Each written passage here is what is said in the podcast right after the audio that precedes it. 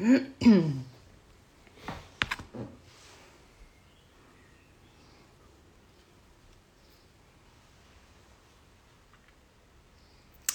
is maandagavond 8 uur, de eerste maandag van de maand. En dat betekent dat er weer een editie van Moestuin Live plaatsvindt. 7 juni. En uh, vandaag is Kim te gast. Hallo Rudy, Theo Groeneveld, Lisa. Yes, Kim, ik zie jou ook. Heel goed.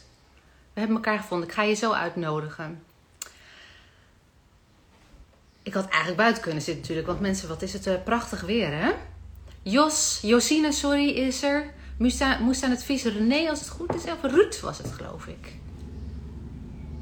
Hashtag haptotherapie, kijk mee. Silke, hey, Silke. Pauline, Eveline. Charis. Wil, moet ik even kijken, Wilma Nefkens. Ik dacht Wilman, nee, het is Wilma. DM Rutte. Leuk dat jullie er allemaal eh, zijn binnen Druppelen. Ik uh, weet niet precies hoeveel, de hoeveelste editie dit eigenlijk is. Maar ik ben in uh, maart, oh vierde. Colin die kijkt ook mee, want het is de moderator voor als je vragen hebt straks. De vierde uitzending alweer. Het idee voor Moestuin Live. Welkom. Massa Askassa. Natasja, leuk dat je meekijkt. Oh ja, Ruud was het inderdaad. Oh, gelukkig. Toch nog goed geheugen. Maar ik ben dus Moestuin Live in maart begonnen. Omdat ik het zo leuk vind om uh, mensen die ik via Instagram heb leren kennen. Uh, om die eens te bevragen. Omdat die een expertise hebben die ik zelf niet heb. En er valt nog zoveel te, te leren natuurlijk. Dus vanaf maart hebben we hartstikke leuke gasten gehad. En ik dacht, ik ga Kim vragen om ook mee te doen. En dat wilde ze. Dus Moesmeisje, daaronder is Kim te vinden uh, is de gast vandaag. En we praten over moestuinieren op een klein stukje grond of pottenbakken. En dus niet pottenbakken, maar potten en bakken. Tuintje aan de kust, kijk mee, zaadhandel, Rodé van Leeuwen. Welkom allemaal, Bart zie ik binnenkomen. Heel leuk hoor.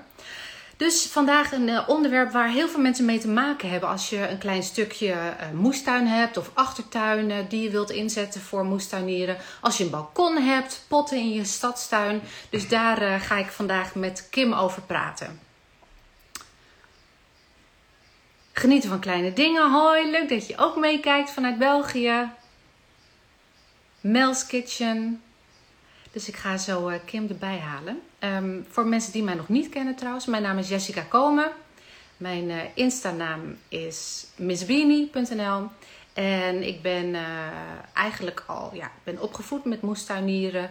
Toen wij in een leuke woning met een, een, tuintje gingen wonen in 99 ben ik heel voorzichtig aan weer eens begonnen met wat planten. Dat was niet echt heel veel succes, want ik had dus helemaal geen weet van bodemleven, dat soort zaken. Um, en in 2012 ben ik fanatieker gaan moestuinieren, omdat ik doorhad dat uh, van gezond eten mijn gewrichtsklachten uh, verdwenen. Dus toen is het, heeft het echt een vlucht genomen. En sindsdien ben ik hartstikke verslaafd. Maar ik denk dat jullie dat allemaal wel zijn, of we allemaal aan het worden zijn. Lindsay, heel leuk dat je meekijkt. Vallei Streekgroente kijkt mee. Hoi, zegt genieten van kleine dingen. Marloes kijkt mee. Kim, ik ga jou eens even kijken, want jij had al een. Uh... Oh, oh, oh. Een. Ja, kijk. De techniek staat voor niks, hè? Kim, als het. Jij nu zo bij mij in de uitzending. Dus we gaan eens even wachten. Ja! Hallo! Hallo! Goed zo. In één keer gelukt ook, hè? Ja. Hoor je mij goed? Ja hoor. Jij mij ook? Ja, oh, mijn knijperclip los. Wacht even. Ja, ik heb hier een fancy. Oh, ik heb hier een fancy um, systeem. Ja. Oh, ik, niet, moet ik niet aan mijn. Uh, ik zit op een hele stapel boeken, staat een laptop en daar staat weer mijn telefoon op. Dus ik hoop ja. staan. ja, niet bewegen. Nee. en ik zit op bed, dus. oh ja, dat weet niemand. Ja, nu weten we het. Nu wel. Ja, hier is meer licht. Oh ja, ik zat ook al te, te, te prutsen met het licht, inderdaad. Ja. Ja. Nou, je ziet er mooi uitgelicht uit, Kim. Yay! hey, nogmaals, superleuk dat je, dat je mee wilt doen aan uh, Moestuin Live. Ja. En uh, ja, jij bent natuurlijk expert uh, op gebied van uh, een, een lapje, zoals je dat noemt, lapje grond verbouwen en moestuinieren ja. in potten. Ja. Dus daar gaan we het vandaag over hebben. Ja, leuk. Um, eerst een paar algemene vragen. Um, mm -hmm. Wat ik altijd vraag aan de gast van Moestuin Live. Wat is het laatste geweest wat je hebt gegeten of gedronken uit je, uit je eigen tuin? nou, vandaag en gegeten en gedronken. Want ik heb mijn uh, bietjes uitgedund. En toen dacht ik, oh ja, het is eigenlijk zonde om het weg te gooien wat ik er dan uittrek. Dus ik heb een salade gemaakt van bietjesblad, van jong bietjesblad. Oeh, lekker. Met uh, vega kip. Oh. en, en ik heb vanochtend en vanmiddag thee en water gedronken met munt en citroenmelissen. Dus oh. ja, Lekker. Uit, uit pot kwamen die dus. Die, oh ja, ik ja. heb hier chocolademunten inderdaad. Oeh, Heerlijk. lekker, ja. Ja, super. Ja. hey, um, wie, is, wie is Moesmeisje? Um, ja, nou, ik ben Kim dus en ik, uh, ik woon in Utrecht. En ik heb altijd, of altijd, ik heb sinds, even denken hoor, 2016 dus een, een heel klein stukje, ja, lapje noem ik het altijd inderdaad. Ja, vind ik zo leuk. lapje, ja. Uh, in een buurtmoestuin. Dus dat is een soort combinatie van een, een soort ja, speeltuin slash uh, uh, moestuin. en sinds dit jaar heb ik er dus een lapje bij gekregen in een andere moestuin een paar honderd meter verderop. En die is wat groter. Dus die ene is 6 en die andere is 15 vierkante meter. Dus in totaal heb ik nu 22. Dus ik vind het bijna geen mini-moestuin meer eigenlijk. Nee, nee. Maar, um, en, ik, ja, en ik moest dan hier dus ook nog thuis in een uh, stadstuintje. En daar heb ik eigenlijk alles in potten en bakken staan. Ja, en is het ja. ook zo begonnen of is het met, met dat kleine lapje begonnen? Nee, het is begonnen met één pot. met een Albert Heijn moestuintje in 2014. Oh, met een tomatenplantje, ja. Oh, kijk ja. eens. Ja, nou, dat is ook leuk om te weten. Want er bestaan zoveel verschillende meningen over moestuintjes en dat soort dingen. En de, de een geeft het af en de ander die vindt het helemaal geweldig. Maar jij hebt dus wel het bewijs van dat zoiets uh, iets los kan maken bij ja, je. zeker. Ja, ja. Oh, echt bij, mij ja, bij mij dus wel, ja. ja. En weet je ja. nog wat dat eerste jaar was van je groenten? Met die moestuintjes? Ja, dat was dus een tomatenplantje. En, um, en dat ging zo goed dat ik dacht, oh, dit is echt leuk. ja. ja, mijn ouders hebben wel uh, vroeger uh, een moestuin gehad. Want ik kom oorspronkelijk uit Brabant en wel een hele grote tuin. Uh, dus ik ben er aan de ene kant wel een beetje mee opgegroeid. Maar ja, dat, dat raak je dan kwijt of zo. Ja. Als, je, als je naar de stad verhuist en gaat studeren en je wordt bent puber en dan is dat helemaal niet leuk. Ja, absoluut. Uh, dus ik heb het een beetje herontdekt eigenlijk. Ja. ja. Ik denk dat dat voor heel veel mensen geldt. Dat Ja. ik wel wel eens even een beetje checken hoe iemand tot moestuinieren is gekomen. Dus dat er wel heel vaak een achtergrond in moestuinieren zit. Maar inderdaad, ja, je, het raakt een beetje... Het raakt op de achtergrond, maar het is dan toch een, eh, een eh, figuurlijk zaadje eh, Ja. geplant. Wat, Ja. Ja. wat leuk. Dus het begon met een tomaat bij jou. Ja. Oh, heerlijk. Ja. Hey, Ja. En ehm, wat, wat typeert jou eh, als moestuinier? Ehm, ik denk vooral dat ik gewoon heel eigenwijs ben. Dus dat ik me eigenlijk gewoon niet aan de regeltjes hou. Maar dat heb ik in de aankondiging al gezegd. Ehm, ik, ik ben gewoon heel erg van het experimenteren. Dus ik hou me bijna nooit aan de zijafstanden. Nee. Ehm, dus ja, mensen die mij langer volgen, die weten gewoon dat ik... Ik ben echt van het proppen. Ik, ik, ik ben heel hebberig, dus ik wil gewoon zoveel mogelijk verschillende dingen eh, uitproberen. Ehm, en daar, ja, en dat, dan, dan moet je dingen dicht op elkaar zetten, want anders kan dat gewoon niet Nee. in een klein moestuintje. Nee. Ehm, en heel vaak gaat het goed, soms ook niet. Nou, dan weet je dat. Dus dat. En ik, ja, en ik ben ook iemand die. Ik ben heel nieuwsgierig. Dus ik heb eigenlijk altijd elk jaar wel weer een paar groenten die ik het jaar daarvoor dan niet eh, kweekte. Ja. Gewoon om te kijken hoe het smaakt, eh, of het leuk is om te doen, of het lukt. Ja. Ja. Leuk hoor. Ja. Ja, dus een beetje eigenwijs ben je wel. Ja. Ja, nou, dat, is, Ja. dat vind ik ook leuk. Ja. En. Dat, het hoort ook een beetje bij tuinieren. Althans, er zijn ook mensen die, die volgen helemaal de regels. Of die, Ja. die denken bij alles van, oh, ik doe het verkeerd. En eh, wat moet ik, Ja. moet ik nu? Maar het, het, het leuke van experimenteren en gewoon uitproberen is inderdaad... En een beetje je eigen plan trekken. Is dat je er ook van leert inderdaad. Ja, want ja, dat, precies. Als je, als je geen fouten maakt, dan leer je niks. Dus eh, Nee, ja, gewoon Ja. maar doen. ja, Hey, ik kijk af en toe eh, die kant op op mijn vragenlijstje, zodat ik ja, Want in de teaser was het al zo dat ik wat wilde uh, vragen en dan vergeet ik het. Dat is een beetje dat brein van mij. Dus Oh, ik ja. heb een mooi lijstje voor je gemaakt. Ja. en eh, voor iedereen die meekijkt, als je vragen hebt, ehm, stel ze hieronder eh, in de comments. Colin die houdt alles bij. En er zijn ook nog vragen geweest die eh, al zijn gesteld in eh, mijn post. Oh, die heb ik niet genoteerd, Col, maar die kan jij wel even checken. hè? Dat zijn, nou ja, uit mijn hoofd twee of drie vragen geweest. Dus die gaan we ook zo even behandelen.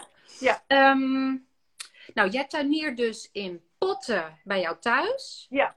En je, hebt, je had één klein stukje oppervlakte en toen is er een iets groter stukje bijgekomen. Ja. Ehm, en wa- waar ik het eigenlijk over wil beginnen is dat je, dat je vond ik zo leuk, volgens mij een opmerking van vorig jaar, toen jouw eh, Oost-Indische kers, die, die groeide echt tegen de klippen op tegen je gevel. Oh, ja. En eh, die gaf een prachtige bloemen nog, terwijl alles lag al heel, helemaal eh, doodgevroren. En deed alles het nog. En toen had je het over een microklimaatje. ja. En ik denk eh, dat, dat een microklimaatje in een stadstuin ook, eh, ja, eh, dat daar altijd sprake van is. Ja, altijd, er zijn overal microklimaatjes. Maar Ja. kun je daar eh, een microklimaatje Ja. in een stadstuin, kun je daar iets over uitleggen? Ehm, ja, kijk, in de stad woon je natuurlijk meestal heel dicht op elkaar. Eh, de huizen staan vaak ook dicht op elkaar. Ik bedoel, in mijn wijk, je hebt hier geen vrijstaande huizen. Dus ik zit eigenlijk helemaal ingeklemd tussen buren rechts, buren links, buren boven mij. Ehm, tussen muren en schuttingen. En eh, daardoor warmt het gewoon heel snel op. Dus ik denk dat het hier gemiddeld gezien, volgens mij is dat ook bekend, dat het in de stad is het gewoon een paar graden warmer eh, dan in een weiland. Ja, dus ehm, ja, en dat, dat heeft voor- en nadelen ja. eh, voor moestuinieren. En wat, wat zijn een paar voordelen daarvan? Ehm, nou ja, bijvoorbeeld dat het dus heel beschut is. Dus de, de groenten die heel erg van, van warmte houden, die eigenlijk vooral eh, in tropen of in, de, in een kas worden gekweekt. Zoals pepers en paprika, aubergine, tomaat, komkommer. Die gedijen echt super in mijn stadstuintje. Ja. Die eh, verbouw ik dus gewoon ook eh, in pot, in mijn achtertuintje. Ja. Ehm, het nadeel is natuurlijk dat, dat groenten die, die daar niet zo van houden, zoals bijvoorbeeld sla, ja, die zullen het dan misschien wat minder goed doen als die felle zon eh, in je tuin staat te branden. Ja. Ja. En zijn er daarom groenten waarvan je zegt, nou, die, die verbouw ik niet in pot, die verbouw ik niet in zo'n warme stadstuin? Ehm, ja, nou ja, sla dus. Kijk, ik, ik heb nu genoeg ruimte, dus ja, ik heb gewoon ruimte genoeg om sla in de volle grond te telen. Ehm, bij mij zou dat denk ik niet gaan, omdat ik echt van, van 11 tot 6 daar echt felle zon heb. eh, aan de kant waar ik mijn potten heb staan. Dus Ja. daar zou ik zelf dan niet mijn sla neerzetten. Want ja, die, die kan niet goed tegen zoveel warmte en droogte. En ja, dan, dan, dan gaat hij zo slap hangen, denk ik. Ja, precies. En het Ja. gaat ook snel door natuurlijk met al die hitte. Ja, En zijn er dan bladgroenten waarvan je zegt, nou, dat kan echt prima in pot. Doe, dat, doe eh, kropsla niet, maar doe... Ehm, Oeh, moet ik even denken. Bladgroenten in pot. Ja, ik denk dat bijvoorbeeld snijbiet is volgens mij wel wat sterker. Die, die, die kan daar wel tegen, denk ik. Ja, Kijk, over het algemeen bestaan bladgroenten natuurlijk voor een best wel groot deel uit water. Ehm, en dus houden ze ook heel erg van water. ja, Ehm, dus ja, je zult dan wel veel water moeten geven. ja, ja. Maar- Sorry? Nee, dat, dat was het. Oh. maar over water geven en, en potten. Ik denk dat sowieso eh, als je potten hebt, dat, het, dat, het veel, eh, dat je veel water moet geven. Je kan denk ik met, een, met hete dagen geen dag overslaan, of wel? Nee, dat was, was ook een vraag volgens mij van hè, wat zijn nou de voor- en nadelen van het kweken in potten. Ehm, ja, een nadeel is inderdaad dat je elke dag water moet geven als het niet regent.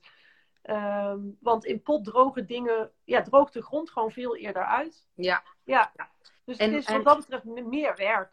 ja precies. Ja, En eh, dan is het met het gietertje of heb je nog een druppelsysteem? nee, daar heb ik helemaal geen ruimte voor. Nee, ik loop echt gewoon met, met een grote gieter van 12 liter eh, zo door mijn tuintje heen. Ja. Plons, plons. Ja. Ja. En ehm, nou vind ik terracotta potten zelf echt prachtig. Het is een mooi natuurproduct. Ja. Ehm, maar eh, heb jij ervaring met terracotta potten ten opzichte van bijvoorbeeld, eh, ja, wat is het? Gewoon plastic potten of stenen potten of eh, andere soort ik potten? heb ze allebei. Ja, ik heb, ik heb ja, kunststofpotten en ik heb inderdaad terracotta potten. Ehm, en in de terracotta potten heb ik vooral groenten staan die goed tegen droogte kunnen. Uh, dus, of nou ja, groenten, eigenlijk kruiden heb ik daarin ja. staan. Mediterraanse kruiden. Ja, precies. Um, omdat terracotta schijnt water op te nemen, de, de pot zelf. Ja. dus je verliest water uh, aan de pot. Ja. Uh, die, die komt dan niet ten goede aan je planten. Maar met, met mijn mediterraanse kruiden, ik heb daar salie in staan, oregano, ehm, wat nog meer?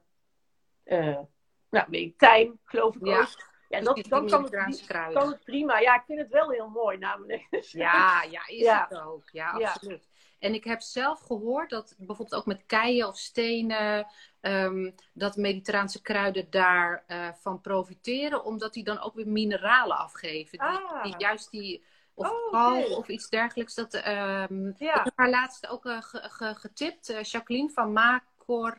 Ik spreek niet uit, Puntker. Die heeft daar meer verstand van. Ah. Maar die, legt, dus die heeft echt haar kruidentuin ook wel Oh. ingedeeld op hout en op, eh op eh, Oh, leuk. minerale Dus Oh, oké. Oh, dat wist ik ook niet. nee, nou Ja. Zo leer, zo- je leert heel Ja. veel via Instagram. Ja, ja. Ik kijk eens even op mijn eh lijstjes. We hebben het nog steeds over, over het onderwerp potten en de voor- en de nadelen inderdaad. Heb jij nou ook bakken of is het echt puur potten? Ehm, ik heb nu... Ik heb één bak op, op poten. Oh ja. Ehm, en de rest is vooral potten. Ja. Ja. Ja. En hoe bevalt zo'n bak? Ja, die bak op poten vind ik heel fijn. Want je hebt echt minder last van slakken. Oh. Eh, ja, dus dat is wel, vind ik echt fijn. Ehm, ja, en verder is natuurlijk gewoon, ja, je hoeft gewoon niet te bukken. Ja, je Ja. minder te bukken, dus dat is gewoon handig. Eh, en je kunt er nog dingen onder kwijt, zeker in een klein stadstuintje is dat Ja. heel fijn. Ja, ook handig. Ja, Of een beetje schaduw creëren misschien. ja, Ehm, dus, dus bakken, ook die kleine bakjes, daarvan zeg je van nou, dat, dat werkt eigenlijk best wel goed. ja, bij mij wel. Ik heb daar in die bak op heb ik volgens mij lenteuitjes in staan. Die laat ik dan hergroeien, dus die, die koop ik gewoon in de supermarkt.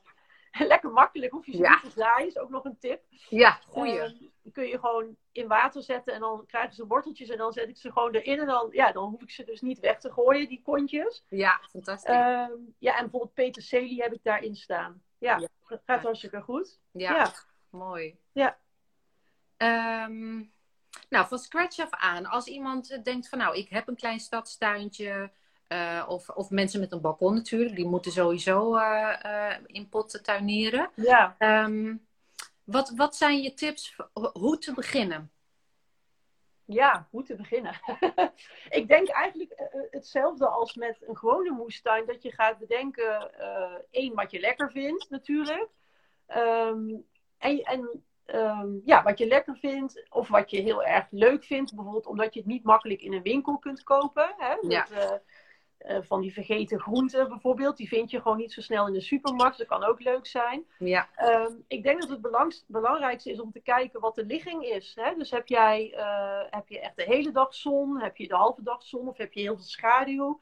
ja, Ehm, ja, dan, dan moet je dus gaan uitzoeken. eh, Wat doet het dan goed op het plekje wat ik heb? ja. ja want Ja. er zijn natuurlijk mensen die hebben gewoon totaal alleen maar schaduw. Ja, Nou heb jij ook een schaduwplekje natuurlijk in jouw tuin. Verbouw je daar vooral sierplanten of, of Ja. gaat daar ook nog het een en ander eetbaars groeien? Eh, nee, want ik, eh, wij mogen hier, of wij mogen, eh, er zit hier heel veel lood in de grond. Dus ik kan niet in mijn border telen. Ik heb daar dus alleen maar sier. Ja, ik heb dus een schaduwborder en een zonnige moestuin in potten aan Ja. de andere kant van de muur. ja, ja. ja. snap ik. En als je andere mensen adviseert, heb je dan wel eh, advies voor, voor schaduwplekken op, eh, Ehm, voor potten? kijk, als er echt helemaal 0,0 zon komt, dan, dan wordt het lastig. Maar als je gewoon eh, een paar uur zon hebt, bijvoorbeeld ochtendzon of avondzon, ja. Ehm, dan, dan kan sla wel. En ehm, ja, vooral bladgroenten doen het dan eigenlijk goed. Maar bijvoorbeeld ook uh, bieslook kan ook redelijk goed in de schaduw. Of eh, dat zijn dan kruiden, hè? citroenmelisse, munt. Munt, ja. Ehm, die doen het ook goed. Ehm, even denken. Volgens mij Roomse kervel kan, schijnt ook goed in de schaduw te kunnen, dacht ik. Dus dan zijn er wel wat opties, maar dan Ja. kan je niet, eh, dan, dan, ja, dan moet je niet gaan proberen om tomaten of pepers eh, te gaan kweken. Nee, precies. Nee, die hebben echt zes uur zon nodig. Ja, Ja. Dus je Ja. zou, om, om te kunnen weten, eh, te kiezen wat je wilt verbouwen op een redelijk schaduwrijke balkon of plek voor potten, is het eigenlijk slim om dan uh, even te meten van nou, hoeveel uur zon krijg ik. En op basis daarvan is het gewoon een, nou ja, jouw tips die je net al gaf en een stukje googelen welke schaduw, ja. uh, schaduw minder planten er eigenlijk in Ja. Ja, ik heb ook een blog geschreven trouwens over moestuinieren in de, in de, in de schaduw. Dus daar oh, staat goed. een heel lijstje. Um, ik weet het dus zo niet uit mijn hoofd. Um, maar daar staat dus een heel lijstje met wat je allemaal uh, kunt kweken in de schaduw. Oh, ja. Dus moesmeisje.nl en dan even zoeken ja. op uh, schaduw. Ja, dan komt hij er vanzelf uit, denk ik. Ja. Oh, super. Dank je. Ja. Top. Ja. Um, dus die aanpak is in ieder geval dat je weet, nou, is het hoeveel zon heb ik en daar kies je planten op, op uit. Ja. Um, een tweede, en dan gaan we ook al wel een beetje richting zeg maar, tuinieren op een klein stukje grond, is uh, uh, het voorzaaien. Ja. Uh, ik denk dat de meeste mensen wel gedeeltelijk voorzaaien, of we nou voetbalvelden, moestuin hebben ja. of, of, een klein plekje. Ja. Maar um, waarom hecht jij zoveel belang aan voorzaaien? Um, ja, kijk, in principe zeggen ze altijd dat het eh, beter is, eh, als het kan, hè, om direct in de volle grond te zaaien, omdat die zaailingen dan gewoon opgroeien op de plek waar ze later ook gaan staan. Uh, maar sommige groenten die kun, je, die kun je niet direct zaaien. Hè? Zoals alle groenten die van warmte houden, die zaait iedereen eigenlijk voor. Zoals ja. tomaten en peper, paprika, komkommer, courgette. Ja. Um, maar als je dus een heel klein stukje grond hebt, dan kan het slim zijn om ook andere groenten voor te zaaien. Uh, en waarom? Omdat um, als jij iets in je moestuintje hebt staan, uh, en dat heb je in, in maart erin gezet, hè, of direct gezaaid, um, en je kunt het oogsten, als je dan uh, iets daarna nog erin zet, wat vaak natuurlijk zo is, dan moet je weer wachten tot die zaadjes opkomen. En in de tussentijd ligt dat lapje dus eigenlijk leeg. Uh, dus wat ik heel vaak doe, is dan heb ik thuis alweer iets gezaaid. Dan weet ik van nou, dit kan ik ongeveer dan en dan oogsten. En dan heb ik die zaailingen alweer klaarstaan. Ja. Dus dan hups, meteen daarna heb ik weer wat nieuws. En daardoor uh, kan ik gemiddeld gezien um, op één klein stukje gewoon vaker iets verbouwen. Omdat Ja. er nooit, nou nooit wil ik niet zeggen, maar er staat bijna nooit iets bij mij leeg. Ja, fantastisch. Ja, dus dat, is, dat kan gewoon heel slim zijn. Ja, ja, Ja. absoluut. Ja. Ja, en de, de, ehm, dus het is slim als je iets zaait dat je ook een beetje weet van of even een schemaatje maakt of Ja. van nou, eh, Ja. hoe, lang, eh, hoe lang is de kiemtijd? Eh, Ja. Wanneer kan ik oogsten? Dus dan weet je ook van nou, eh, voor, voor het volgende gewas, hoe lang eh, van tevoren moet ik gaan voorzaaien? Ja, ja. En eh, toen jij begon met, met, met dit systeem, hield je dan een schemaatje bij? Of was het een beetje van nou ja, ik, Ehm, ik zie wel. Nou, in het begin had ik dus helemaal geen plan. Maar, maar dat ging ook meteen heel goed mis. Want, Oh. Ja, ik ben echt begonnen met in juli of augustus van... Oh, leuk, een boerenkool, weet je wel. Of iets, ja. Dan wilde ik iets, iets gaan verbouwen en dan had ik al, al lang moeten zaaien. Dus dat werd helemaal niks meer. Nee. Uh, dus nu heb ik inderdaad echt, uh, ja, nu heb ik echt wel een schema. Ja, dus ik maak echt een moestuinplan. Um, en vervolgens maak ik gewoon een heel lijstje. Per maand schrijf ik op wat ik die maand ga zaaien. En wat ik die maand ga uitplanten. Ja. Wauw. Ja. Ja. want je ziet wel mensen met een hele grote moestuin. Die maken van die uh, prachtige schema's. En dan denken mensen Ja. een klein stukje misschien van... Nou ja, is niet echt nodig. Ik heb zo'n klein stukje. Ja. Maar juist eigenlijk, begrijp ik van jou... Ja. dan een mooie planning maken. Om, gewoon doorlopend uh, Ja. iets te kunnen laten groeien. Ja, kijk, het li- ligt natuurlijk aan hoe je in elkaar zit. Hè? Ik ben heel fanatiek, dus ik wil gewoon. ik, ja, ik vind het gewoon heel leuk om, om gewoon heel veel te kunnen oogsten van dat kleine stukje. Dus juist dan is een moestuinplan op een klein stukje gewoon super slim. Want dan, ja, dan, dan, li- dan ligt het gewoon niet lang braak. Sowieso ook niet goed voor de grond om, om een braak te laten liggen. Um, maar dan, ja, dan, dan maak je gewoon zo efficiënt mogelijk gebruik van die kleine ruimte die je hebt. Ja, precies. Ja. Dus het, en en het, ik vind het zelf ook wel een soort rust geven van. Ja, dat ik gewoon weet wat ik ga verbouwen. dus dan kan ik gewoon, oh, ik ga nu dit zaaien. En anders dan, dan wordt het bij mij gewoon een chaos, denk ik. Ja, en dan, dan wordt het ad hoc en dan een chaos inderdaad. Ja, dat denk ik wel. Ja, Ja. mezelf kennende, ik ben heel chaotisch eigenlijk. dus dan, ik denk dat ik dan echt alles vergeet. Ja, nee, Ja. Dan, dan wordt niks bij mij. Nee. Nee, nee, dat zou voor mij ook niet werken. nee. Dus een tip is in ieder geval, maakt niet uit hoe groot of klein het stuk is, gewoon een goed zaaiplan maken op basis Ja. van wat je, wat je zei, wat je wilt eten. Ja, En ook wat geschikt potten. is voor Ja. of potten of voor, Ja. voor het kleine stukje grond. Ja. Ehm, en kun je zeg maar spreken over zo dus drie periodes over het hele jaar heen, het hele kalenderjaar heen, dat je zeg maar drie aansluitende ehm, eh, gewassen kunt, uh, kunt telen? Wat denk je? Ehm, ja, ik denk dat ik inderdaad, ik, ik, ik moest daar hier in rijtjes, heel saai, maar ja, ik vind het gewoon makkelijk. Ja. ik denk inderdaad dat ik, ik heb vaak inderdaad uh, in maart, dus ik, ik, of soms al in februari, dan begin ik inderdaad. En dan ja. Ja, en dan heb ik inderdaad daarna in, meestal vanaf mei komt er dan wat in. Ehm, en ik heb dus vaak ook nog de, de laatste teelt in uh, augustus, september en soms ook nog oktober. Dus ik, en dan heb ik dus echt van, ja, van het voorjaar tot in de winter heb ik gewoon, ik heb altijd groenten. Ik heb ook midden in de winter nog uh, mijn lapje bijna altijd vol staan. Ja, ja fantastisch hè? Ja, ja, hey, heel, en... veel, ja, heel veel mensen stoppen in nou, augustus, dan denken ze, nou, nu is het wel klaar of zo. En dan hebben ze nog die kolen. Maar ik heb nog heel veel bladgroenten die ik dus uh, daarna nog zaai. Ja. Ja. En de, de, de, noem eens wat, wat fijne bladgroenten die voor de nateelt uh, geschikt zijn. Um, nou, ik heb bijvoorbeeld altijd nog raapsteel. En uh, snijbiet kun je ook nog best wel laat zaaien. Um, winterposselijn, veldsla, rucola ik heb nu een nieuwe, dat is Shirley Hong. En daar ben ik ook helemaal fan van. Dat is een Aziatische bladgroente. Die lijkt een beetje, een beetje op, op raapsteel. Um, een beetje, ook een beetje mosterdachtig. Oh, ja, die, heeft, die, heeft, die heeft gewoon de hele winter overleefd. Oh. kon gewoon in de winter gewoon bladgroenten telen. Of ja. oogsten. Ja. Ja, fantastisch. Dus, uh, er zijn echt wel veel, ja, veel meer mogelijkheden dan je denkt nog in de nazomer. Om te ja. zaaien echt. Ja, ja hè? Ja. ja. het is goed dat je dat zegt. Want ik denk vooral zeg maar als je een achtergrond hebt van vroeger moestuinieren. Ja. Dan was dat gewoon de standaard natuurlijk. Dan gaan we de boel leegmaken, weer ja, klaarmaken. Ja. Maar er is nog zoveel mogelijk inderdaad. Dus gewoon, gewoon opzoeken wat kan ik, uh, wat kan ik in nateelt gooien. Of even op jouw website kijken. Want daar schrijf jij denk ik ook over. Voor, over uh, ja. Uh, groenten die, of bladgroenten die, die zeg maar in september, oktober nog uh, kunt Ja, ik heb eigenlijk voor elke maand heb ik uh, een, een, blog wat je die maand kunt doen en zaaien. Ja. En, dus ja. ja. als je denkt van oh, ik wil weten wat ik in oktober nog kan doen, dan, dan staat, heb ik daar een blog. Ja, ja tof. Ja. Ja.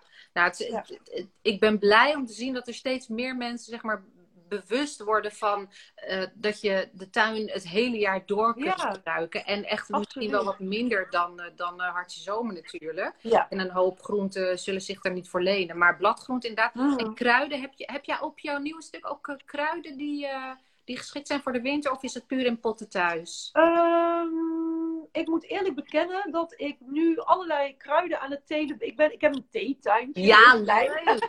Helemaal trots. Uh, maar dat, daar heb ik allemaal kruiden in staan die ik nog nooit eerder heb gekweekt. Dus ik moet eerlijk bekennen dat ik eigenlijk niet weet. Ik denk niet dat ze winterhard zijn. Um, ik, heb, ik heb kamille, venkel, uh, roomse kervel uh, en dropplant. Maar ik denk dat die in de winter gewoon. nou, roomse kervel? nee, nee, roomse kervel niet. Maar wat zei je daarvoor nou? Venkel? Ja ik heb uh, zelfs hier, en ik heb wat meer, meer nou ja, jouw moestuin natuurlijk ook wel wat meer wind. Maar de, de, met vrieskoud, dan krijgt hij af en toe een tik en het heeft behoorlijk gevroren. Maar uh -huh. bepaalde venkelplanten zijn flink overeind gekomen of die zijn weer opnieuw opgekomen. Dus ah. je hebt wel kans hoor.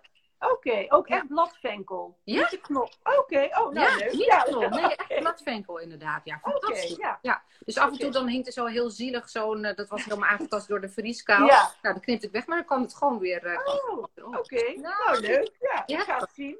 Hey, en in jouw standstuin in pot heb je dan uh, overblijvende kruiden die je lekker de winter door kunt oogsten? Of gaat het kapot bij strenge vries?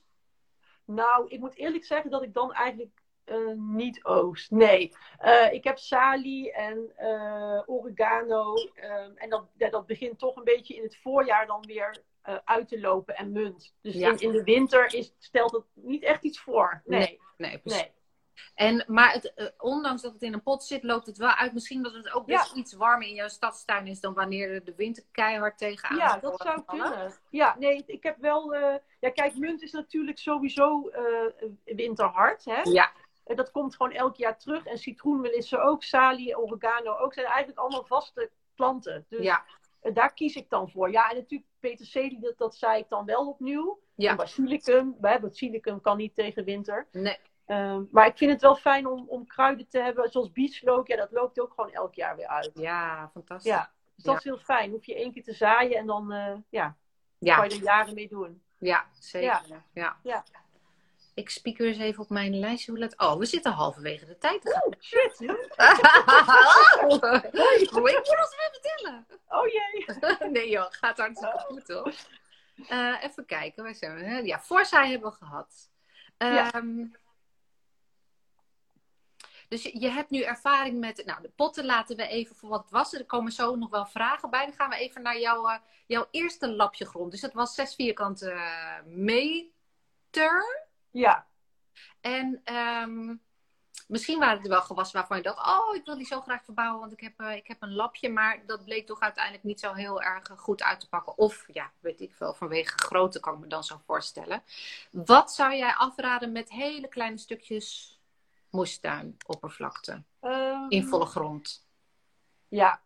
Afraden vind ik lastig, want ik denk altijd, doe gewoon lekker wat je wil. Maar Ja, mooi. Ja, zo goed Ehm, dat zegt. Stel, jij bent helemaal fan van pompoen. Zet vooral pompoen erin, maar dat is dan ook het enige wat je erin kunt zetten. Ja, Dus pompoen zou ik zelf eh, niet doen. Ehm, alhoewel je ook weer soorten hebt die dus eh, minder groot worden. Ik, ik heb nu dus toevallig zelf pompoen in pot gezet, een heel kleintje. oh, Die eh, heb ik van eh, Marleen van de Tuin om Leiden, dankjewel, Oh, gekregen. leuk. Eh, dus dat, daar ga ik dus gewoon mee experimenteren. Van, nou, ik kijk, ik, ik kijk wel waar ik hem naartoe leid in mijn, in mijn achtertuintje. Eh, maar in, ja, pompoenen, dat, dat wordt echt meters. Dus ehm, eh, dan heb je pompoenen, heb je drie pompoenen. En dan, ja, dat is het dan. Dus dat zou ik zelf niet doen. Nee. Ehm, ja, en ik zou bijvoorbeeld zelf ook heel graag rabarber willen. Maar dat heb ik dus ook niet gedaan, omdat het ook gewoon echt een hele grote plant is. Ehm, ja, en dan, als je dan kijkt wat je ervan kunt oogsten, ja, als dat dan het enige is, dat vind ik dan zonde. Maar verder kun je eigenlijk bijna alles er wel in zetten. Ja. En Had je Ja. ook eh, bijvoorbeeld courgette? Had je op dat Ja. stukje? Ja hoor, ik heb gewoon drie courgettes.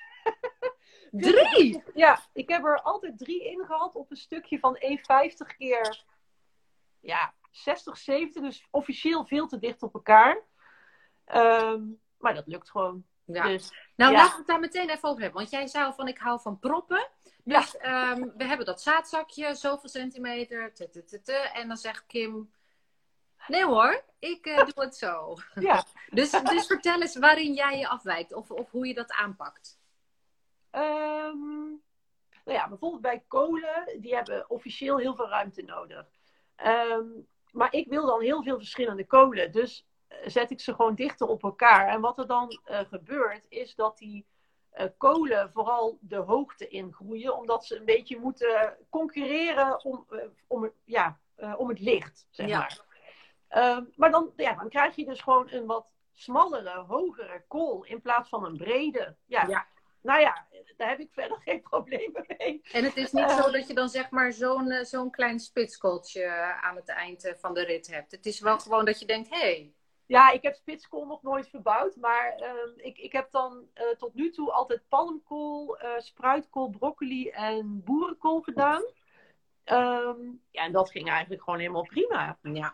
Ja, Ja. Dus een beetje eigenwijs zijn en denken van nou, ik hou gewoon iets minder plantafstand eh, aan. ja. Het zal misschien wat kleiner blijven dan wanneer die helemaal kan uitdijen. Ik zag het zou wel. kunnen hoor. eh, Ja, we hadden hiervoor ook, eh, ik denk iets van 12, nee, of nog niet eens 10 vierkante meter eh, moestuin in ons vorige huis. En dan zet ik het ook wat eh, meer tegen elkaar aan. En hier zie ik gewoon dat het allemaal wat meer uitdijt. Maar ja, ja. En ik had echt hele leuke spruitjes in mijn, in mijn vorige moestuin. Dat is ook hartstikke leuk. En het groeit toch de hoogte in, inderdaad. Ja, precies. De, de, ja, en palmkool groeit ook heel erg de hoogte in. Dus slim. vaak kan het gewoon wel. En bijvoorbeeld bij courgette, wat je kan doen, is hem gewoon een beetje over de rand, hè, over het looppad laten groeien. Ja. Dat doe ik ook. Of eh, als je een pot hebt, ehm, de- ja, die wortel zit in die pot, dus die, die, de rest van de courgette kan daar prima overheen groeien. Ja.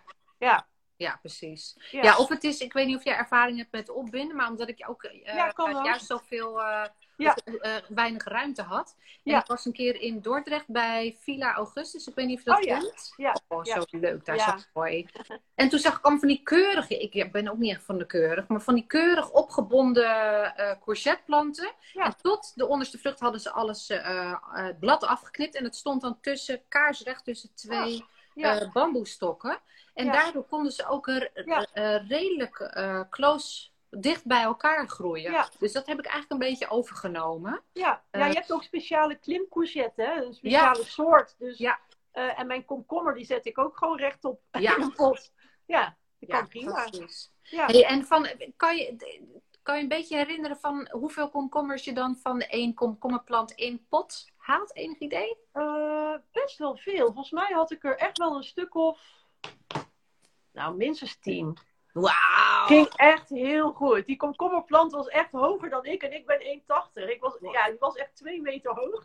Fantastisch! Eh, maar dat ging echt supergoed. Ja, ging en dan zet je gewoon een paar bamboestokken in Ja. de pot of je zet hem tegen Ja. schut aan of zo. Ja, ik had toen gewoon een soort, eh, ja, gewoon bamboestokken. Eh, je kunt van alles. Je kunt ook, ja, je kunt een tipi maken, ja, of, of, een, of een rekje erin inzetten in de pot. Je kunt Ja. van alles verzinnen, als die maar omhoog kan klimmen. Ja, Ja, precies. Fantastisch. Tien van één uit pot nog. ja, ja, ja, Gek hoor. ja.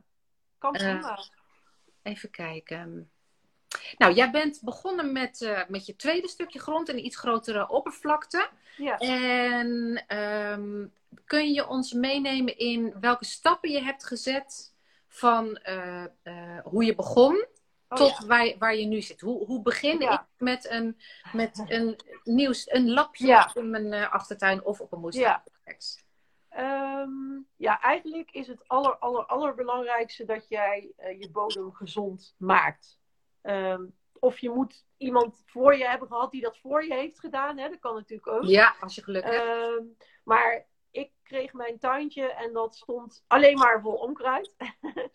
Eh, dus het was gewoon 15 vierkante meter onkruid eigenlijk. Wauw. ehm, wat ik heb gedaan is het onkruid eruit gehaald. Ehm, ik ben niet van het spitten. Ehm, En kun je ja. uitleggen waarom je niet van het spitten bent? Om verschillende redenen. Als je eh, spit, dan haal je eigenlijk het onkruid wat in de bodem zit omhoog. Ja. dus dan krijg je meer onkruid van. Ja, Dus Ehm, eigenlijk een averechts effect. Eigenlijk wel. Ehm, ja, en het is gewoon niet goed voor het bodemleven. Hè? In die bodem leven allerlei beestjes. En als je gaat spitten, dan haal je dus eigenlijk hun hele, ehm, hoe zeg je dat? Leefomgeving overhoop. Ja. Ehm, dus ik heb een, een woelvork. Nou, degenen die mij volgen, die weten nog wel een tubakel met de woelvork die ik verkeerd om had gebruikt. Maar goed, het, het is gelukt. Daar heb ik ook een video over gemaakt. Ehm, dus nou ja, goed. Toen heb ik dus al het eh, onkruid eruit gehaald. Met die woelvork een beetje de grond losgemaakt. Want die was Ja. behoorlijk eh, dichtgeslagen. Ehm, en toen, ja, eigenlijk gewoon wat ik altijd zeg: compost, compost, compost. Eh, heb ik er overheen gelegd. En toen heb ik het even laten liggen. Ehm, ja, dat eigenlijk. Ehm, de bodem was al best wel vruchtbaar. Dus ik heb eigenlijk weinig nog bemest. Hm. Eh, maar als het echt een, een lapje is wat heel lang heeft braak gelegen, eh, wat nog niet vruchtbaar is, dan is het ook wel slim om, om, een soort basisbemesting nog toe te voegen eigenlijk, Ja, voordat je start. Ja. Dus in ieder geval, oh, het even tussendoor. Aniek zegt, ha, zie dat filmpje nog voor me? Ja. Jij hangt aan die boel voor. Ik heb hem gewoon op YouTube gezet. Ik Ik dacht, ja, vind het joh, zo leuk. fouten. Ja, fantastisch. Dus ook niet perfect. Van, oh jongens, moet even helemaal opnieuw. En jij dan al heel veel leert dan in je volgende filmpje. Nee, gewoon hup, Ja. that's it. Ja. Ja, fantastisch. Ja, Aniek die eh, wist het ook nog inderdaad. Nou, Ja. oh ja, nou ben ik dus weer mijn vraag kwijt. Eh, Ja. Oh ja, dus die gezonde bodem. Dus het is een kwestie van, ehm, nou, eerst ontdekken eh, hoe de staat van je bodem is. En Ja. dan, nou, eventueel dus die, in plaats van spitten, dus met die woelvork eh, aan de gang. Kijk Ja. even bij Kim hoe het niet moet. Goed, niet moet. Ja. Juist stoer, zegt Aniek. We leren allemaal. Nou, zo is Ja. het Ja, en Ehm, wat je ook kunt doen ehm, als je een wat, wat zuurdere grond hebt. ehm, dan kan je, dan- maar dan moet je dan echt wel gaan meten. Ik heb daar binnenkort ook een video. Ik heb binnenkort trouwens een video over bemesting en compost en Tof. eh, alles in één video daarover. Maar dan is het wel handig als je echt een te zure grond hebt om wat kalk nog toe te voegen voordat je gaat eh, bemesten. ja, Ja, dan maak je de, de grond wat minder zuur. Ja. En dat uh, ja, is dus fijn voor het tuincentrum zo'n pH-strip Ja. halen en dan gewoon Ja, de rest wijst zich vanzelf. ja, Ja, Ja. slim. Ja. Dus nou, bodem is het eerste. En Ja. eh, nou, toen had je de compost opgelegd, toen heb je het even laten liggen, zei je. En wat waren toen de volgende stappen? Ehm, ja, toen had ik al natuurlijk een moestuinplan klaar liggen. Ja. dus eh, ja, dan ga je voorzaaien en, eh, en in de directe grond zaaien. Ik, ik heb altijd eigenlijk een combi van Ja. eh, dingen, dingen die er meteen in. ja, ik, ik had hem dan natuurlijk, ik had hem al in februari, dus dat is natuurlijk perfect. Ja, Want dat is ook het, het begin van het moestuinseizoen. Ehm, dus dan, ja, dan heb je gewoon spinazie, radijsjes, rucola. Dat kun je dan zo maart, april gaan zaaien. En, ja, en vervolgens voor, thuis voorzaaien de rest. ja, Ja, Dus het is eigenlijk redelijk overzichtelijk. Gewoon met die bodem beginnen en, ja, en eh, voeden waar nodig. En dan eh, met je zaaiplan in de volle grond en voorzaaien thuis. ja. ja, en wel even opletten. eh, het is dus wel slim om eh, te kijken van eh, wat je wil gaan verbouwen. Hè? Want op sommige stukjes waar je bijvoorbeeld eh, uien, radijs of eh, bietjes gaat zaaien, daar heb je dus weer minder mest nodig. Dus het is niet handig om eh, op Ja. elk plekje in je moestuin evenveel mest te gooien. Ja, slim. Dus, dat, dat is, dat, dus daarom is zo'n moestuinplan dus ook handig. Want ik heb toen bijvoorbeeld heel veel compost gelegd over een stukje waar ik mijn kolen ging ehm, telen en mijn eh Mhm. Maar op het stukje waar ik de uien en de radijs, de pastinaak en de bietjes, dus echt alles eigenlijk wat onder de grond groeit, daar heb ik bijna geen, eh, ja, gewoon een heel klein beetje compost opgegooid en geen mest. Ja. Ja. Heel slim. Want Ja. als je dat wel doet, dan kun je dat uitleggen. Bijvoorbeeld eh, een, een effect wat stik, eh, moet ik dat even goed zeggen, stikstof heeft. Ja. Of- Ja, dan krijg je eigenlijk vooral heel veel loof en weinig knol of wortel. ja Dus dan precies. krijg je bijna geen radijsje, maar heel veel blad. Of, Heel of veel blad. heel veel eh, wortelloof, maar geen wortel. Dus ja, Ja. daar, heb je, dat is, daar heb je natuurlijk niet zoveel aan. Nee, precies. Ja. Kan je lekkere pesto van maken, maar daar, eh, daar zaaien ze natuurlijk niet voor. Ja. En ja, en als dat gebeurt, wat je dan nog wel kunt doen, is, is kali toevoegen. Ja. Eh, Soms kun je het dan nog een beetje redden. Want Ja. dat, dat stimuleert dan weer die ontwikkeling van die knol of die wortel of die bol. Ja. ja. Heel goed. Ja. Dus, dus je hebt ehm, ehm, aan de ene kant is het gewoon van eh, gewoon beginnen. Jij bent gewoon met die tomaat begonnen. En het is Ja. ook leuk om zeg maar te weten van nou, hoe eh, het verdere verloop van het groeien, het ontwikkelen van de groenten, de vruchten. Is het Ja. ook wel slim om een beetje in te lezen en, eh, en te googelen. Om te kijken Ja. van nou, wat heeft die specifieke plant nodig. Dus we weten nu in ieder geval overal maar compost opgooien of, of overal dezelfde voeding geven. Dat, dat kan niet altijd even goed uitwerken. Nee, en het is ook, weet je, je moet, of moet, het is handig eh, als je ook weet hè, dat bepaalde groenten niet voor half mei naar buiten mogen. Ja. Ehm, in mijn moestuincomplex zie ik elk jaar weer mensen die starten, die dan eh, een tomatenplantje in het tuincentrum kopen. En op, daar staat dan eh, niet op dat het pas na half mei in de volle grond mag. Dus dat, Oh, zetten, ze, wauw. dat zetten ze begin april erin. Ja, dan, dan gaat het gewoon dood. Ehm, Ja. Dus ik, ik, ben, ja, ik ben wel echt als een malle gaan googelen. Ik, ik heb echt alles moeten opzoeken. Ja, Ja. ja, Nou ja, in principe ja. Eh, vooral als je weet van er is iets misgegaan, dus ik heb meer kennis nodig dan, dan Ja. Google. En er zijn Ja. zoveel goede informatieve sites. Ja. Jij geeft ook zoveel informatie over, nou ja, wat zijn de do's en de don'ts. Dus inderdaad, een tomaat, ja, die, eh, die wil toch een beetje afharden in, na zo'n eh verhuizing Ja. Ja. Die wil, eh, die wil niet al in de. Ja, was het nou? Ja, in april vroor het toch gewoon, hoor? ja. ja, dan heb je echt nog nachtvorst. Dus dan, daar kunnen ze gewoon... Maar weet je, het is ook geen drama, hè? Ik bedoel, iedereen maakt fouten. Dus, Ja. ehm, baal ook niet te veel als iets mislukt. Dat hoort er ook gewoon Ja. bij. Ja, heel goed dat je dat zegt. We, we zijn best wel bang om fouten te maken. Misschien ook, Ja. Weet ik veel, op, op Instagram zien we ook allemaal prachtige foto's natuurlijk. En alles Ja. is en helemaal ge- Ja. gelukt en geweldig. Ja, Maar het, het is gewoon een kwestie van heel veel eh, ja, trial, trial and error eigenlijk. Gewoon doen, ja en soms maken. gaan gewoon dingen mis. Hè? Het is de natuur. Ik heb vorig jaar wilde ik een video maken over pluksla. Toen was mijn pluksla gewoon weg. Ja, die was, ik denk opgegeten door de slakken. Of, ehm, en de veldsla, die deed het ook niet. Ik, ik geen idee waarom. Ik doe dat al jaren altijd goed. Ja, En ik wilde een video maken en de veldsla was gewoon weg. ja, daar ga je Ja, uit. dat, eh. dat gebeurt mij ook gewoon. Ja. Dus, eh, Ja, Dat, dat, dat relativerende is ook echt wel gewoon, uh, gewoon goed om dat voor ogen te houden. Dus kijk, stel dat je nou ervan moet overleven, weet je wel. Dan moet je wel donders goed weten dat je, dat je het goed doet als het de enige voeding is dat je krijgt. En voor de rest is het ook gewoon leuk om een beetje uit te proberen te leren, inderdaad. Ja, het is goed voor controlfreaks, zeg ik altijd. Om te leren loslaten. Oeh. Ja. Ja. Hey, we gaan, het is kwart voor. We, kunnen, druppelen leuke vragen binnen. Uh, ik moet nog even kijken. Ik wil nog één vraag aan jou uh, uh, stellen. Want we hebben het zeg maar over die opbrengst. Dat was een vraag die ik nu zie. Maar hoeveel opbrengst, of hoe zoveel mogelijk opbrengst krijgen, dat heb je eigenlijk al uitgelegd. En je hebt het ook over um, gehad over uh, dat, zeg maar, dat op elkaar, ik hoop dat ik je goed begrijp, op elkaar uh, zaaien planten, dat het ook helpt tegen bepaalde plagen? Of moet je dan juist opletten tegen bepaalde plagen of ziektes of problemen?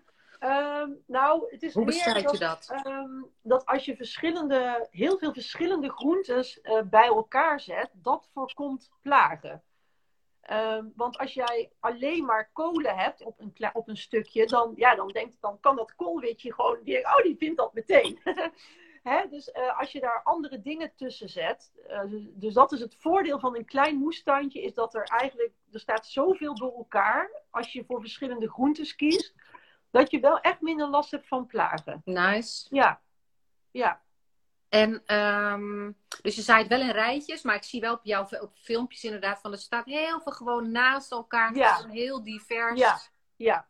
Ik heb niet één stukje van zes vierkante meter met alleen maar kolen. Er nee, staat, staat, nog van alles tussen. Ja. Of ja, naast. Niet tussen, maar ja, rijtjes ernaast. Heel dicht erop. Ja, precies. Ja, heel dicht inderdaad. Viel me echt op. ja, ja, dat zeggen heel veel mensen. Maar ja, het gaat prima. Dus, ja. Ja, ik bedoel, ja, je wil je ruimte gewoon benutten. Dus uh, hoe fantastisch is dat? Ja, en kijk, nog, nog één tip voor als je dus voor die hoge opbrengst. Is, is ik, ik, kies ook gewoon wel echt bewust voor. Uh, even heel snel, want ik, ik, zie dat ik weet dat we niet geen haast of nog maar een kwartier hebben. Uh, maar je kunt gewoon kiezen voor groenten die dus gewoon heel weinig ruimte innemen. Dus hè, worteltjes, radijsjes, kun je, dat kun je ook gewoon dicht op elkaar zaaien. Um, en je hebt ook groenten die weer uh, aangroeien, zoals snijbiet, pluksla. Dus heb je één rijtje, maar dan kun je gewoon een heel seizoen van oogsten. Ja. Dus dat is ook heel slim als je maar een klein plekje hebt. Ja. En maak gebruik natuurlijk van de hoogte, hè? dus dingen die gaan klimmen, dus boontjes, uh, dat soort dingen. Ja. Um, en ja, en ik zeg altijd, een courgette neemt veel ruimte in beslag, maar dan heb je ook veel opbrengst. Ja. Dus dat kan, kan alsnog slim zijn. Ja, precies. Is ja. zo. Mooi, ja. goede tip. Ja. Um, ik denk dat we even richting de vragen gaan. Cole, had jij toevallig ondertussen van die... Uh... Oh ja, top. De moderator en... Uh... Oh, daar beginnen we mee. Even kijken. Van Francine is deze volgens mij. Ja, Railboard Garden. Ik ben wel benieuwd wat Kim in haar potten stopt. Gewone potgrond met compost, vermiculiet. En wat is een beetje de percentage? Wat is een beetje de verhouding daarvan? Oh ja, Uh, ligt er een beetje aan, maar eigenlijk bij al die uh, uh, vruchtgewassen, zoals komkommer, tomaat, eh, nou ja, wat heb ik nog allemaal meer? Nou ja, weet ik eigenlijk niet meer van alles. Eh, gebruik ik biologische potgrond altijd. Want ja, ik tuinier biologisch, dus dat is logisch. Ehm, en dan doe ik eigenlijk bij dat soort groentes, ook bij, bij dat pompoentje wat ik nu heb, doe ik denk ik ongeveer een vierde deel compost er nog bij. Bij die, bij die biologische potgrond? Ja. Dus extra voeding voor je vruchtgewassen? Uh, ja, in compost zit niet mega veel voeding, maar het is gewoon, ja, het is gewoon goed voor planten. Dus uh, ja, dat stop ik er dan nog bij. Dus eigenlijk heb ik gewoon altijd een combi van compost en potgrond. Uh, behalve als, als het groenten zijn die daar helemaal, die geen, eigenlijk geen compost nodig hebben, ook niet in de volle grond. Dan, dan is dat eigenlijk niet nodig. Nee. Nee. Nou, ik hoop, Francine, dat jouw vraag hiermee is beantwoord. En verder doe ik er dus niks doorheen. Dus dat, dat is oh, het. Geen vermiculiet, geen nee. niet. Uh, nee. Kokosvezels. Uh, nee. nee, heel soms geen wel wat. Nee, dat, dat niet. Uh, soms wel hydrokorrels, maar dat, oh, ja. soms, vergeet, soms, vergeet, ik dat gewoon en dan gaat, het, dan gaat het alsnog gewoon goed. Oh ja.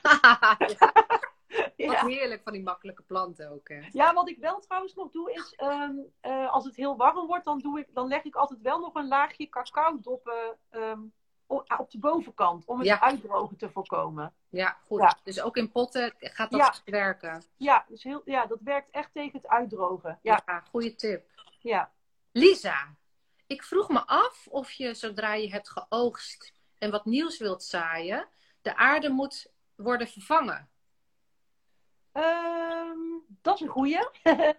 Ehm, ligt er aan wat? Kijk, som, bij, ehm, als je plant bijvoorbeeld ziek is geweest, bijvoorbeeld je hebt de tomaat eh, erin gehad en die heeft de tomatenziekte gekregen of de aardappelziekte, eh, of, of een andere schimmel, dan zou ik het niet doen, dan zou ik het helemaal vervangen. Ja.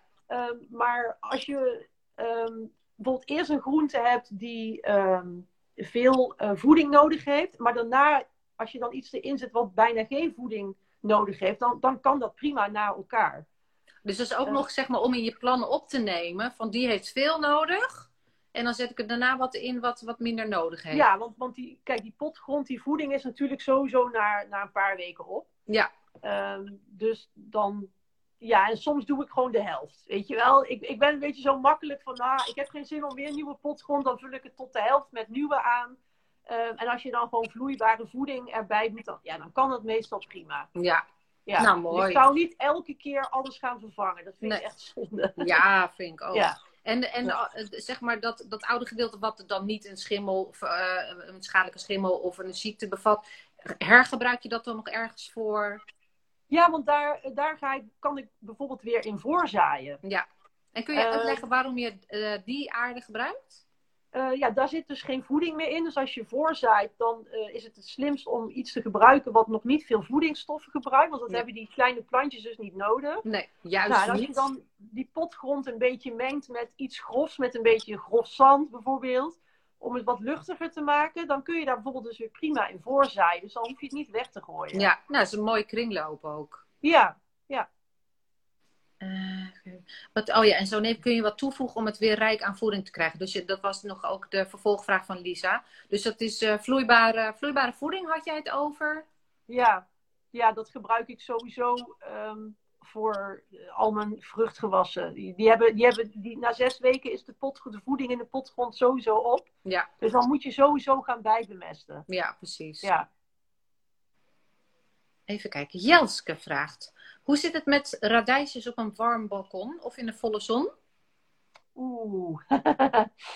Eh, dan, dan zou ik het alleen in het, in het voorjaar en het najaar telen. Dus Ja. niet, in de, niet, in, niet in de zomer. Dat, Nee. dan, dan worden ze echt niet lekker. Nee. Nee. Oké. Ja. En dan, ik heb ze zelfs volgens mij, mijn radijzen, eh, ik, ik had ze in, in volle grond, maar ik heb er wel een klein kasbakje overheen gezet. In februari heb ik het zelfs Ja. gezaaid. Ja, ja, dat kan dus. Ja, Ja. ja. als, je, als je een deksel over je pot doet of iets, eh, dan, dan kan dat al in februari. Ja, nice. Eh, maar als het echt heel warm wordt, dan worden, dan worden die radijsjes gewoon echt niet lekker. nee, precies. nee. Moeten we niet willen. Dus Nee. voor, voor en nateelt is dan. eh, Ja, doe ik Ideaal. eigenlijk überhaupt. Eigenlijk zijn de radijsjes dan sowieso het lekkerst.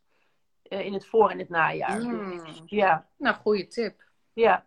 Even kijken. Elisabeth vraagt: Kun je volledig eten van je tuin of moet je nog veel bijkopen?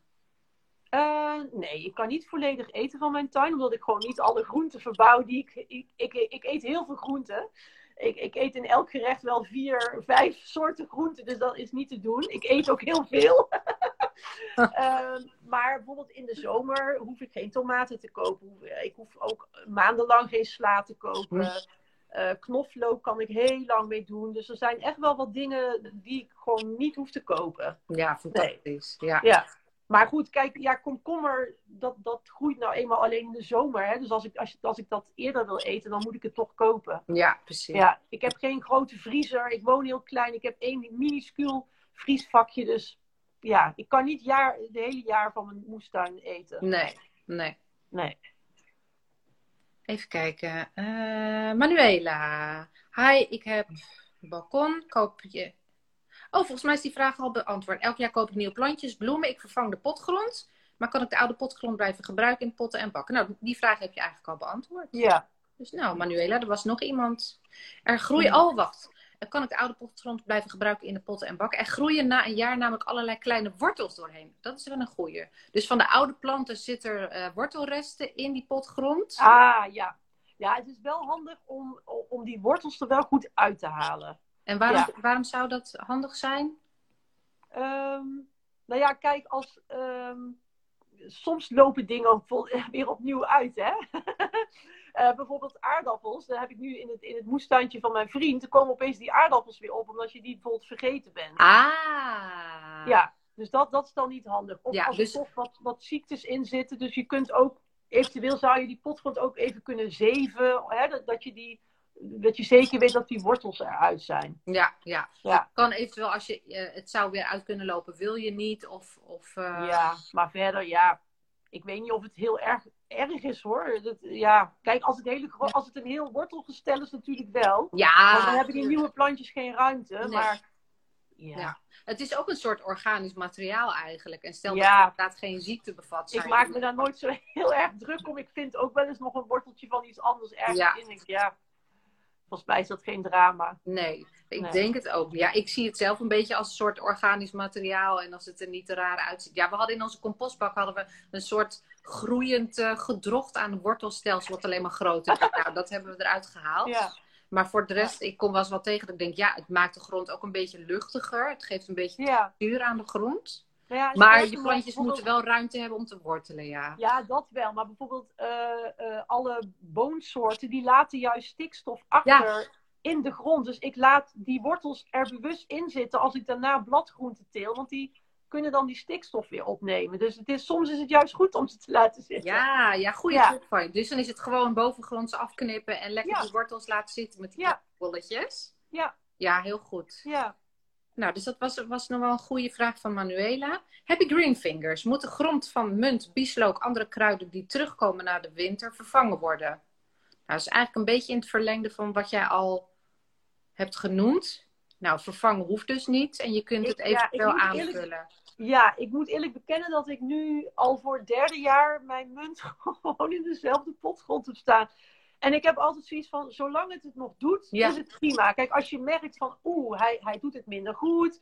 Hij wordt geel of hij, hij, hij groeit, hij heeft, hè, ik heb minder opbrengst. Het wordt, het wordt niet meer een grote plant. Dan zou ik het gewoon een keer vervangen. Ik, ik heb ook ooit gehoord, bij kamerplanten moet je dat bijvoorbeeld één keer in de drie jaar doen. Ja. Het zou best kunnen dat dat met tuinplanten ook zo is. Ja. Um, maar ik heb altijd zoiets van, ja, zolang het het gewoon doet, lijkt het mij prima. En soms gooi ik dan gewoon het bovenste laagje, doe ik weer even een nieuwe potgrond en dan laat ik de rest er gewoon in. Ja, precies. Dat is een goed. Ja.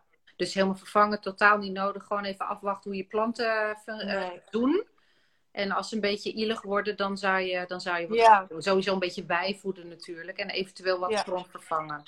Ja, en ik laat ook gewoon alle bladeren die van de struiken en bomen komen, laat ik er gewoon allemaal opvallen. En dat wordt ook weer omgezet in een soort compost. Hè? Dus dan wordt het toch een beetje uh, gevoed. Ja, het is een prachtig organisch laagje. Ja. ja. Dus niet ook al te net uh, die, die, die, potten en bakken, maar uh, willen nee. krijgen juist niet. Nee, lekker die bladeren erin laten vallen en laten liggen. Ja, absoluut.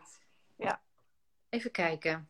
Oh, mooi van Marga. Marga, hoi, kijk je nog, ben je nog? Ik denk het wel. Die heeft een leuke vraag, want die had ik zelf ook nog voor jou. Heb je nog goede boekentips? Oh ja, ik heb hem hier liggen. Ja, mensen die mij langer volgen, die weten, ik heb het echt al honderd keer gezegd, maar ah, deze. Oh, die komt hij natuurlijk uh, andersom oh, ja. hè?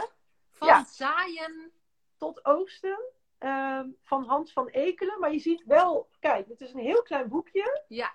Um, en ja, dit is echt mijn Bijbel. Het is super makkelijk. Er staat gewoon op alfabetische volgorde van elke groente in. Uh, wanneer je het zaait, wat de zaaiafstand uh, is, de diepte. Waar ik me dan dus natuurlijk niet altijd aan hou. Maar uh, ja, hoeveel mest, hoeveel compost, of ze veel water nodig hebben. Ehm, met welke groenten ze wel of niet goed combineren. Hè? Want daar moet je met moestuinieren ook nog rekening mee houden.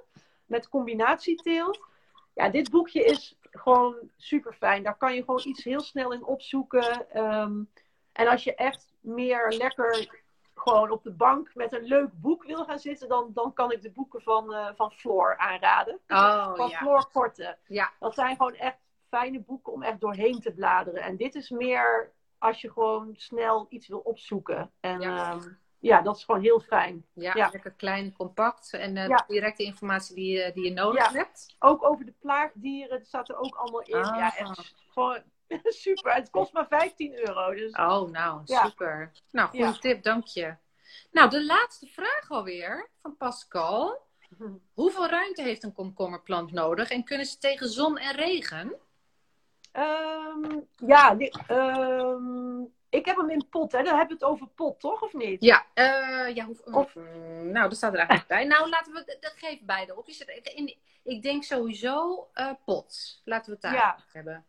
Ehm, nou, kijk, komkommer groeit vooral uh, oppervlakkig, die wortels. Dus het is vooral belangrijk dat, dat de bak een beetje groot is. Heel diep hoeft die dus niet per se te zijn. Maar ik heb ja, gewoon 40 centimeter diameter is wel, is wel een, een goede maat. Ja. Echt kleiner dan 30, dat, dat, dat moet je niet doen. Dat is echt te klein. Want ja. uh, die, die plant heeft heel veel water nodig. Uh, dus ja, hoe kleiner de pot, hoe eerder het uitdroogt. Ja. Uh, dus ja, maar 40 is wel gewoon een goede afmeting. 40 ja. diameter, als die rond is dan, hè? Ja, ja. ja precies. Ja. En die afstand zou je dan ook kunnen aanhouden uh, als je in volle grond zou. Uh, als, als... Nou, ik zal eens even in mijn boekje kijken. Volgens mij officieel. Ja, kijk, dan gaat hij kruipen, hè? Dus, um... Oh ja, ik, ik laat ze omhoog groeien. Dus vandaar dat ja, ik okay. uh, anders denk. Ja, dan zal het ongeveer wel hetzelfde zijn. Maar als je hem laat kruipen, dan heb ik zo even. Ik ga gewoon even kijken wat er hier staat. Kijk, hier staat echt 1,20 bij 40. Oeh! Ja, maar goed, dat is dan natuurlijk inderdaad waarschijnlijk als je hem laat, ja, meer over de grond laat kruipen. Ja. ja. Dus ik denk als je, hem, als je hem rechtop zet, dan kan het volgens mij gewoon op 50 bij 50 zou ik dan ongeveer doen. Ja, zeker wel. Ja. ja. Hey, en zon en regen was er nog de vraag, kan die tegen zon, kan die tegen regen? Uh, tegen zon sowieso. Uh, als hij die hele dag in de felle zon gaat, dan, dan heb je af en toe wel dat dat blad een beetje slap gaat hangen. Maar als de zon s'avonds dan weg is, dan komt dat gewoon weer goed. Moet je, ja, je moet hem gewoon wel echt heel veel water geven. Uh, want komkommers bestaan natuurlijk voor 90% of zo uit water. Ja, precies. Uh, regen kan die op zich wel tegen, maar soms krijgen ze dan wel last van, van meeldauw bijvoorbeeld. Ja. ja. Uh, dus het is wel belangrijk dat, dat die plant eh, goed kan opdrogen. Ja, precies. Dus ook niet te dicht uh, allemaal planten tegen elkaar aanproppen. Nee. planten op een meter, want dan, ja, nee. dan, dan is de kans op meeldauw groter. Ja, en bij, bij de tomatenplant, die moet ook wel echt kunnen opdrogen. Ja. Die, die, kan, die kan dus niet tegen regen. Nee. Dat, uh, ja, nee. som, sommigen kunnen er, uh, kunnen er redelijk tegen. Maar je hebt... Ja, die, die, die Russische... Die, die precies, ja. ja. ja. En ja. anders, nou, je had het er al over, een afdakje, uh, ja. onder een afdakje laten voeren. Of je had hem op, dat was jij toch? Op de potten op rolletjes en dan Rooi hem zo onder het afdakje of was iemand anders Nee, ik moet ze echt onder het afdakje tillen. Ik heb ooit een kastje gehad, maar dat was te laag. Dus oh, ja. Ja. Ja. ja, precies. Ja. Um, ik denk, volgens mij waren dit de vragen. Oh, Pascal zegt, wat leuk dit, dankjewel. Nou, leuk om te horen. Uh, volgens mij zijn dit, ik kijk even naar... Ja, nou, dit, dit waren de vragen. Mijn vragen okay. zijn beantwoord en de, de ja. vragen van de, van de kijkers ook. Okay. Um, is er nog iets wat er van je groene hart moet? Wat er van mijn groene hart moet? ja, um, als je het kan veroorloven, ga, ga, dan voor biologisch.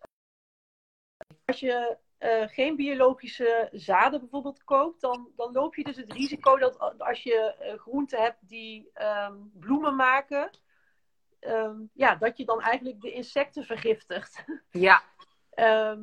ja, ik, ik vind dat zelf gewoon een heel naar idee. Um, dus ja, ik koop alles, al mijn zaden zijn biologisch. Ja, omdat ik dat gewoon heel belangrijk vind. Ja, ja He, heel er, goed. Er, er is enorm veel bijensterfte. Um, en door biologie. Jij valt even weg, Kim. Ik denk dat het komt omdat we over het uur zijn. Ik had het vorige ja. keer ook. Ik denk dat dat komt omdat we over het uur zijn. Dan gaat hij storen of zo. Dat was... Oh nee, ik, ik zat op mijn, uh, op mijn uh, limiet van mijn telefoon, die ik op mijn telefoon mag zitten. Dus ik moest even weg. Oh, oh. Goed voor ja. jou, keurig. Nou, Hou ik me echt... nooit aan hoor. Ik druk het altijd. Je bent wel lekker eerlijk, heerlijk.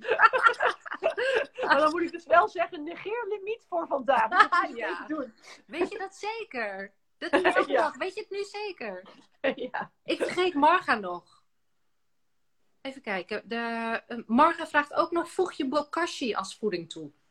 Ja, ik heb sinds kort, jee, uh, sinds kort heb ik, uh, heb ik een bokashi. Uh, ik voeg het niet direct toe, um, want ehm, ik vind dat niet handig. Ik, kan het, ik heb niet een hele, in mijn achtertuin dan, hè, ik heb niet een hele diepe borden, dus daar gebruik ik het niet voor.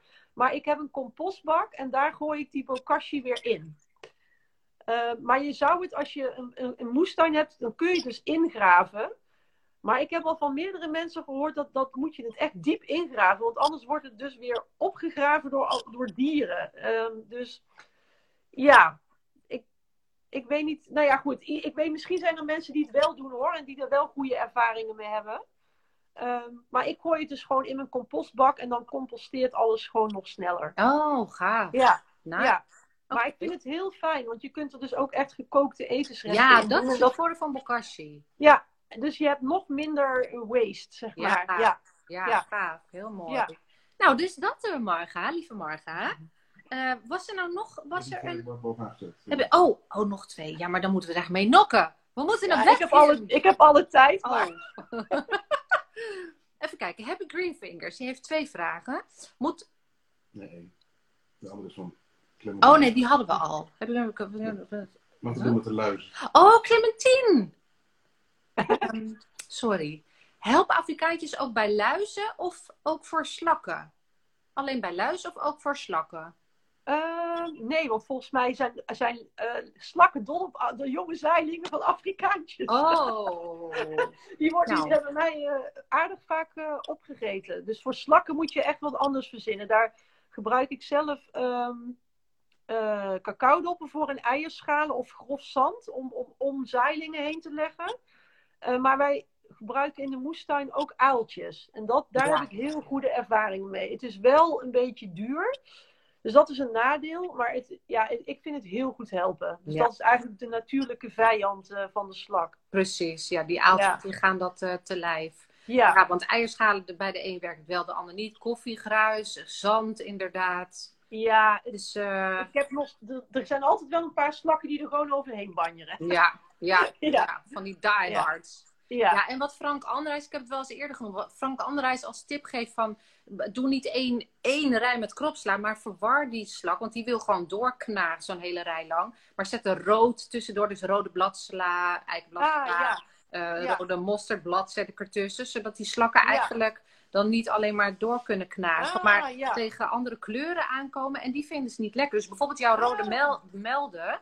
Ik denk dat, ze daar, uh, dat ze daar niet aan knagen. Of uh, heb je nee. andere ervaring? Nee, nee, die heb ik dus als on onkruid in mijn moestuin. Maar daar zitten ze niet aan. Nee, nee precies. Nee. Nee, dus dat, nee. dat, vond ik een super toffe tip van hem. Oh, dus ja. uh, andere kleuren tussen je bladgroenten te zetten tegen ah, En ik denk inderdaad ook die aaltjes. Ik heb al heel veel geprobeerd, maar ik denk dat ik ook me overga op die aaltjes inderdaad. Ja. En, ja, en ook gewoon accepteren dat er soms gewoon... Ja, je moet het toch delen met, met alle andere Mooi dat je dat zegt. Ja, ik bedoel alsof wij de baas hier, uh, hier zijn. Maar we zijn een onderdeel van een kringloop. Het is mooi dat je dat ook nog zegt inderdaad. Ja, het hoort er ook gewoon een beetje bij. Ja. je wel? Zij, zij hebben ook uh, honger. Dus, uh, ja. Ja, precies. ja. ja, en ja, we vormen allemaal gewoon een onderdeel. En ja. het is een beetje geven en nemen. En ze zijn ook nuttig. Dus, ja. ja. ja, precies. Ik sprak vanmiddag iemand die zei van, nou ja, als ik zes kolen wil overhouden aan het eind van het seizoen, nou dan, dan bezaai ik er gewoon twaalf. Dan denk ik, ja, ja. ze moeten ook te eten hebben. Dus ze geven ons ook leven en eten. Dus het mag ook, uh, het is een beetje geven en nemen wat dat ja. betreft. Ja, zo doe ik dat dus ook met rupsen. Ja, Van het koolwitje, weet je wel. Uh, ja, nou ja, dan, gaat er maar een keer een blad af. Nou ja. Nou ja, als het er maar van genoten hebben, toch? Ja. ja, mooi dat je dat ook nog even opnoemt inderdaad. Want er wordt allemaal van, ja, onkruid en uh, oh, slakken. En, uh, ja. Wel, maar het, ja, het is ook gewoon, het is acceptatie en respect hebben eigenlijk voor, uh, voor wat er allemaal nog meer leeft en groeit. Ja, en ik trek ook niet al het onkruid eruit. Bijvoorbeeld dovennetel laat ik gewoon staan. Want dat is, die, dat is een hartstikke belangrijk plantje voor allerlei insecten. Dus ja, waarom zou ik dat eruit trekken? Precies, ja, mooi ja. hoor. Ja. Nou, hey Kim, dank je. Ja. Wat een leuk gesprek met jou. Ja, vond ik ook. Ja, heel inspirerend. En leuk dat er mensen ook uh, hun vragen stelden en dat je ja. daar antwoord op had. Ja. Ehm, even kijken voor iedereen die uh, gaat kijken, of, kijkt of nog gaat kijken. Want er waren een hoop aantal mensen, of een aantal mensen die zeiden van uh, ik ga het zeker terugkijken, maar ik kan het Oh, nog ja. niet. Dus als ze dan nog een vraag hebben, wat mij betreft, stel hem eronder en dan proberen Kim of ik hem te Oh, beantwoorden, Ja. Denk ik. ja, je mag, me ook, je mag me ook mailen hoor. Dat, dat mag ook altijd. Ah, info, info moesmeisje.nl of even uh, een DM'tje sturen mag Ja. ook gewoon. Maar uh, Super. Ja. ja. Nou, dit, dit eh, interview komt in ieder geval weer op mijn profiel te staan. Dus mensen kunnen het lekker nalezen en Ja. reageren, vragen stellen. Ehm, ik kon nog altijd mijn volgende gast aan voor jullie. Maar ehm, er staan een aantal vraagtekens nog. En ehm, ik- er is nog niets bekend. Maar er staan allemaal lijntjes open. Dus ik kan daar nog niks over zeggen. spannend. Eh, heel spannend. Mhm. Ehm, en ik wou nog even zeggen, we hadden het net over bodemverbetering. Ik heb een e-book uitgebracht, dus voor mensen die zeggen ik wil daar meer over weten. Ik heb een gratis e-book dat je kan downloaden. De link staat in mijn bio. En daar ga ik onder andere in over op eh, het leren kennen van je bodem en het verbeteren daarvan. Want Mm. Kim, daar begon ook een beetje ons verhaal ook mee, het leren Ja. kennen van je bodem. Ja, Eh, daar begint en eindigt het ook zo'n beetje mee. ja. Ehm, nou, Kim, nogmaals heel erg bedankt. Ja, jij ook. Superleuk. Ja, dank je. Ehm, dus ja, ik ga jou gedag zeggen. En Ja. iedereen die kijkt of nog gaat kijken, ga ik ook een gedag zeggen. En we zien elkaar weer op Insta. Oké. Dankjewel. Doei allemaal. Jo, doei. Doei.